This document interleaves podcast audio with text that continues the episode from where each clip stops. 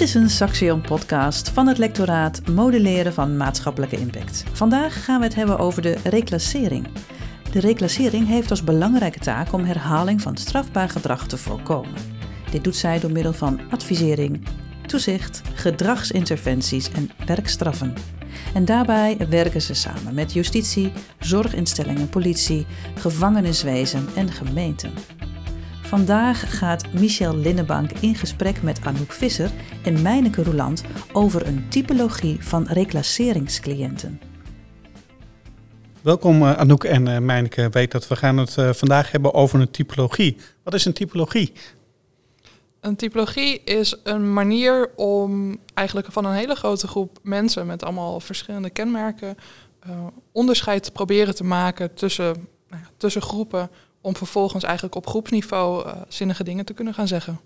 En jullie hebben een typologie gemaakt over de reclassering, of eigenlijk over cliënten van de reclassering. Waarom hebben jullie dat gedaan? Omdat we eigenlijk een kostenbaatanalyse proberen te doen voor het werk van de reclassering. En we kijken daarbij naar alle cliënten die onder toezicht staan. Maar er zit natuurlijk een enorm verschil tussen. Tussen mensen die misschien uh, een levensdelict hebben gepleegd, hè, dus een vorm van moord, doodslag, naar mensen die wellicht een vermogensdelict hebben gepleegd. Um, mensen verschillen in onderliggende problematiek, dus snappen ze, snappen ze eigenlijk dat ze iets verkeerd hebben gedaan, vinden ze dat problematisch, vinden, zouden ze ermee willen stoppen of niet.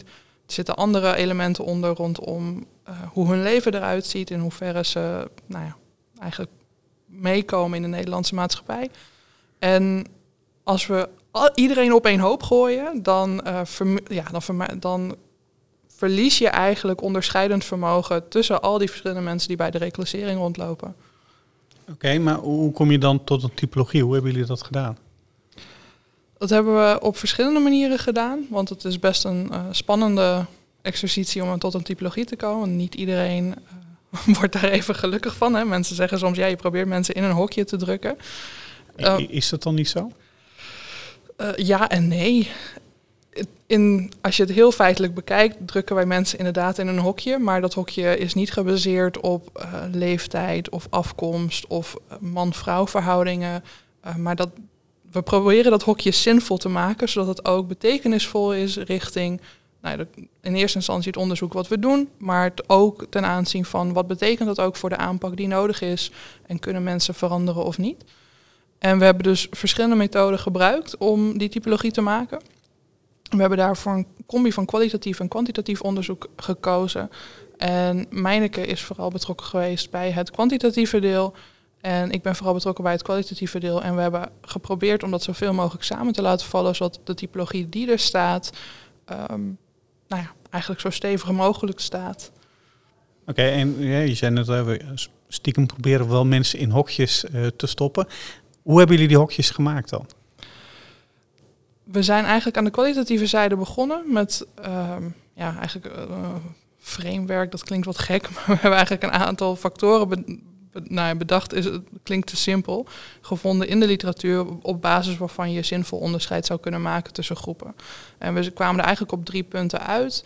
Uh, individuele readiness, en dat, daar, daar vallen factoren onder die eigenlijk in de persoon zitten, waarvan je zegt, nou, die um, onderscheiden eigenlijk groepen binnen de reclasseringspopulatie. We hebben gezegd contextuele readiness, want dat zijn eigenlijk alle contextfactoren die van invloed kunnen zijn op um, uh, nou, of, of iemand eigenlijk inderdaad mee kan komen in de Nederlandse maatschappij, of ze werk hebben, of ze schulden hebben, et cetera. En we hebben gezegd, we moeten ook nog kijken naar de geschiedenis eigenlijk van het, van het uh, delictgedrag. Dat is eigenlijk het literatuurgedeelte geweest. En vervolgens hebben we met behulp van Meineke, en dat kan zij zo meteen beter uitleggen, geprobeerd om ook te kijken van kunnen we dat ook daadwerkelijk doen met de enorme databestanden die we hebben. En is het gelukt om ze in hokjes te krijgen? Ja, dat is gelukt. We zijn met de theorie die Anouk ons uh, heeft aangeboden aan de slag gegaan. Naast de theorie heeft Anouk passende variabelen uit de RISC. Dat is het recidieve taxatieinstrument van de reclassering. Uh, die heeft aan ons gegeven. Daar heb ik een exploratieve factoranalyse op uitgevoerd. Dat betekent dat je in die hele set met variabelen die je dan krijgt gaat kijken of daar variabelen in zitten die gezamenlijk één concept meten. Dus als je het dan hebt over uh, individueel eh, individuele readiness, dan ga je kijken, zijn er variabelen die gaan over ehm, iemands mindset? Is iemand klaar met criminaliteit of wil iemand graag uh, toch eigenlijk wel zijn geld verdienen met criminele handelingen? En dan ga je kijken of daar meerdere van dat soort variabelen in zitten, of die bij elkaar passen. En of je statistisch kunt zeggen, dit meet of er sprake is van individuele readiness. We hebben dat voor alle drie de schalen gedaan. We hebben um, dat echt in samenspraak gedaan, want uit zo'n factoranalyse komen verschillende variabelen. En daar komt een cijfer bij die zegt, deze variabele weegt in deze zwaarte mee om dit concept te bepalen. Nou, dat hebben we samen overlegd. Um, vanuit de theorie komt er dan soms toch net even een variabele waarvan je denkt, die is heel belangrijk. Die weegt statistisch misschien iets lichter, maar die willen we er toch heel erg graag bij hebben. Zo hebben we samen de drie schalen gemaakt. Die hebben we vervolgens nog uh, door een bevestigende factoranalyse gehaald om te kijken of er dan sprake is van een, een goede, goede meting van de schaal. En deze schalen hebben we vervolgens gebruikt om een clusteranalyse mee uit te voeren. Uh, en in een clusteranalyse ga je de personen bij elkaar brengen. Dus de factoranalyse is om de variabelen bij elkaar te brengen en de clusteranalyse is om de personen bij elkaar te brengen. Nou, dan moet je je voorstellen dat als, er een, uh, als het regent en er ligt een plas op de grond, dan vallen daar regendruppels in en dan komt er zo'n kringetje omheen. En zo'n regendruppel is dan eigenlijk een gemiddelde van een bepaald persoon op de drie schalen. En het kringetje wat daar omheen zit, dat zijn dan, daar passen de mensen in die dicht bij dat gemiddelde zitten. Er vallen natuurlijk meerdere druppels in en die kringen die, die botsen tegen elkaar aan, die nemen elkaar een beetje over. En de computer zoekt dan eigenlijk voor je uit in welk kringetje de persoon het beste past. En met die uitkomsten hebben wij uh, 15 clusters kunnen maken. Dus jullie hebben uiteindelijk 15 type cliënten gekregen? We hebben 15 type cliënten gevonden op basis van de schalen die we hebben ingevoerd, onderliggende. En zou je zo'n voorbeeld van zo'n type cliënt kunnen geven? Um, ja, ik denk dat Anouk dat misschien beter kan doen. Uh, ja, die heb ik redelijk in mijn hoofd zitten. we hebben dus 15 verschillende typen en uh, een aantal hebben wel vergelijkbare scores binnen de clusteranalyse gekregen. En we zijn eigenlijk met die scores zijn we teruggegaan naar de praktijk. En we hebben gezegd van nou, goh, hè, wij, wij denken 15 verschillende typen te kunnen, vinden, kunnen, kunnen identificeren eigenlijk binnen jullie uh, reclasseringspopulatie. En we zijn daarmee aan de slag gegaan van goh, als je deze kenmerken ziet, hè, want wij hadden eigenlijk alleen maar de variabelen van, van Meineke, want die lagen er al achter. Dus we konden al wel zien van, goh, hè, deze persoon scoort heel erg hoog of heel erg positief op individuele readiness. Um, iemand anders scoort misschien juist weer heel negatief op strafbaar gedrag, dus heeft misschien al heel veel op zijn kerststok staan. En we zijn daarmee naar de praktijk gegaan en we hebben gevraagd van, nou hoe, hoe ziet dat er dan uit? En deels kunnen we dat natuurlijk invullen vanuit literatuur, maar deels hebben we dat ook echt wel getoetst. En we hebben daar eigenlijk in een aantal werksessies uh, opgehaald van, goh, hoe zou, dit persoon, hoe zou deze persoon er nou eigenlijk uitzien? Als je een soort Jan-modaal van dit type zou moeten maken, hoe ziet dat er dan uit? Hebben ze werk? Hoe ziet hun netwerk eruit? Uh, wat vinden ze eigenlijk van hetgene wat er tot nu toe gebeurd is in hun leven? En hoe groot acht je ook de kans dat ze daar weer uit kunnen komen? En wat hebben ze daar dan voor nodig? En um, nou ja, daar, daar, komt eigenlijk, want dat vonden we best wel, dat is best wel een, een, spannend iets. Van gaat daar nou eigenlijk iets uitkomen of niet? En eigenlijk konden ze heel goed duiden wat voor type mensen onder, nou eigenlijk onder de cijfers weer lagen. En dan heb je bijvoorbeeld een type, nou ik zeg even in mijn hoofd, type 13 komt veel naar boven. Type 13 is een type dat heel erg negatief scoort eigenlijk op alle drie schalen. Dus dat is iemand die helemaal niet klaar is om te veranderen, die helemaal eigenlijk midden in de criminaliteit zit, daar ook dus al het nodige gedaan heeft, qua context ook eigenlijk niks voor elkaar heeft. Dus geen vaste inkomen, soms ook geen vaste, vaste huisvesting, hè, nergens om te wonen, geen vaste dagbesteding. En dat is dan ook het type waarvan ze zeiden, ja, dit is echt een hele lastige. We kunnen er wel iets mee, maar we moeten daarop inzetten in de hoop dat we bij één of enkele mensen gaan doordringen binnen de type. Want het is best een, een type, ja, weet je, dat vraagt gewoon veel werk, uh, heeft gewoon een hele geschiedenis. En dat, ja, daar zijn we gewoon niet altijd succesvol. Terwijl je vervolgens ook andere uh, types hebt, zoals bijvoorbeeld uh, type 10. Ja, het zegt niet zoveel, maar ik zie direct ook namelijk de kleurtjes die we erachter hebben hangen. Uh, type 10 is juist, scoort helemaal groen, dus eigenlijk vindt hij het helemaal niet zo goed wat hij gedaan heeft? Zou hij dat ook graag niet, niet, niet weer nogmaals doen? Uh, heeft eigenlijk alles wel voor elkaar. Heeft wel werk, heeft wel een woonruimte, heeft op zich een goed, gezond sociaal netwerk. Heeft ook nog niet heel veel op zijn kerfstok staan.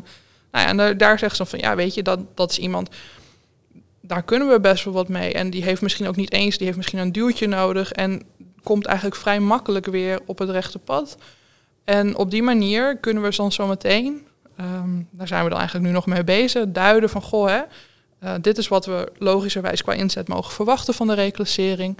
En dat, vervolgens mag je ook iets verwachten qua effecten die daar optreden. En kunnen we dus gaan redeneren van hoe, in hoeverre draagt de reclassering hier nou zo meteen bij aan veranderingen die we in de data kunnen zien bij Meineke. Oké, en dus, dus we hebben 15 typen, en, ja, redelijkerwijs al gestoeld. Gaan jullie die types nog verder uitwerken of proberen jullie nog wat meer uh, de types een naam te geven? We gaan geen naam aan geven. Dat is, dat is een lastig altijd om uit te leggen. Want mensen zeggen altijd, ja, type, type 10, dat zegt toch helemaal niks. Wat moet ik daar nou mee? Maar um, Juist omdat we het niet hebben gekoppeld aan uh, het delict, juist omdat we het niet hebben gekoppeld aan bijvoorbeeld leeftijd, kunnen we bijvoorbeeld niet zeggen de, de probleemjongeren of de, de vermogensdelinquent. Want er zit een complexer construct, zoals Meinekes net volgens mij ook heel mooi uitlegde, uh, onder die typologie. Dus het is niet zo simpel dat er echt maar één type delict of één leeftijdsgroep in een bepaalde type valt we zijn wel bezig met de uitwerking uh, op literatuurbasis om eigenlijk nog meer onderbouwing te geven aan wat de, aan wat de reclasseringswerkers ons terug hebben gegeven. En Meineke is ondertussen uh, met haar team ook bezig om de data erachter, onder andere met behulp van CBS, microdata, um, ja, eigenlijk meer invulling te geven aan die type. En Meineke, die microdata van het CBS, wat zou je daarmee kunnen? Of wat proberen mee te bereiken? Daar kunnen we heel erg veel mee. We hebben uh, toegang tot heel veel verschillende data-onderwerpen. Zo kunnen we onderzoeken of uh, cliënten een baan vinden, voor welke duur zij een baan vinden, het aantal uren dat zij werken.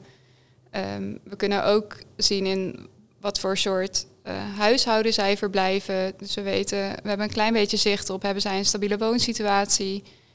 Um, ja, we kunnen, we kunnen heel breed de situatie verkennen. Hoe staan de cliënten ervoor? Hoe verandert dat in de loop van de tijd? Hoe ging het de jaren voor het reclasseringstoezicht? En dat is wat we nu proberen te doen. We kijken drie jaar voor het toezicht en drie jaar na het toezicht. En zo proberen we te achterhalen. Uh, verandert er iets in de werksituatie? Verandert er iets in iemands woonsituatie? En is dat een, een positieve verandering of is dat ten behoeve van veranderingen op crimineel gebied toch een lastige verandering voor deze persoon? En zien jullie bij de types dan ook verschillen in die verandering? Ja, we hebben al wel uh, kleine verschillen gevonden. Zo zien we bij onder andere type 13, dus het type wat, wat moeite heeft met het vinden van een stabiele baan, dat daar ook veel veranderingen in zitten. Uh, en dat daar best veel mensen in het type zitten die uh, leven van een bijstandsuitkering. En in type 10, het andere type wat Anouk net noemde, zien we dat mensen eigenlijk al een baan hadden voordat ze überhaupt bij de reclassering kwamen. En dat ze die ook prima weten vast te houden ten tijde van het toezicht. Dus dat dat dan misschien een type is uh, waar de reclassering op het gebied van werk weinig, uh, weinig hoeft te doen. Oké, dus we hebben, of jullie hebben eigenlijk een hele mooie weten, typologie gemaakt. Uh, te willen van het onderzoek, hè, om eigenlijk meer in kaart te brengen wat nu ja, per type de kosten en de baten zijn. Maar kunnen jullie nog meer met die typologie? Hè? Willen jullie typologie misschien ook wel dat het beschikbaar wordt voor de reclassering zelf? En dat ze misschien daardoor beter uh, maatwerk kunnen leveren? Oeh, dat is, een, dat is een lastige vraag. Kijk, ze hebben natuurlijk het risicotaxatie-instrument wat ze gebruiken om het recidieve risico in te schatten. En dat is ook waar het op dit moment primair voor gebruikt wordt. Dus er wordt vooral gekeken hoe groot is de kans dat deze persoon in herhaling valt. En ik denk dat een eventuele meerwaarde van onze typologie is wel dat we, we kijken vrij breed. Hè, want we kijken en dus naar die individuele readiness en naar die contextuele readiness. En wat we al wel terug hebben gekregen van reclasseringswerkers is dat ze met name die aandacht voor die context um, heel erg welkom vinden. Want ze worden vaak gevraagd om toch naar individuele problematiek te kijken. In hoeverre is er sprake van bijvoorbeeld agressieproblematiek? In hoeverre is er bijvoorbeeld sprake van verslavingsproblematiek? En niet altijd de ruimte voelen, ervaren, noem het maar, om ook breder te mogen kijken. Dus ze, ze snappen heel goed dat werk, schuld, uh, dagbesteding, uh, huisvesting allemaal stressors kunnen zijn die hun cliënt uh, dan wel heel goed kunnen helpen, dan wel juist kunnen tegenwerken.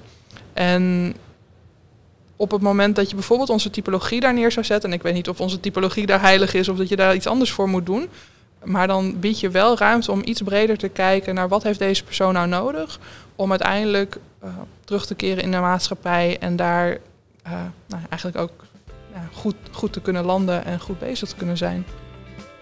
Oké, okay, dus voor nu nog even niet als ik het zo mag samenvatten, maar wellicht in de toekomst ook een typologie die toegepast kan worden door de reclasseringswerkers. Absoluut. Nou, hartstikke bedankt voor deze toelichting over jullie typologie. Graag gedaan. Graag gedaan. Dit was een Saxion podcast van het lectoraat Modelleren van maatschappelijke impact. Voor meer podcasts bezoek de website van het lectoraat op www.saxion.nl/mmi.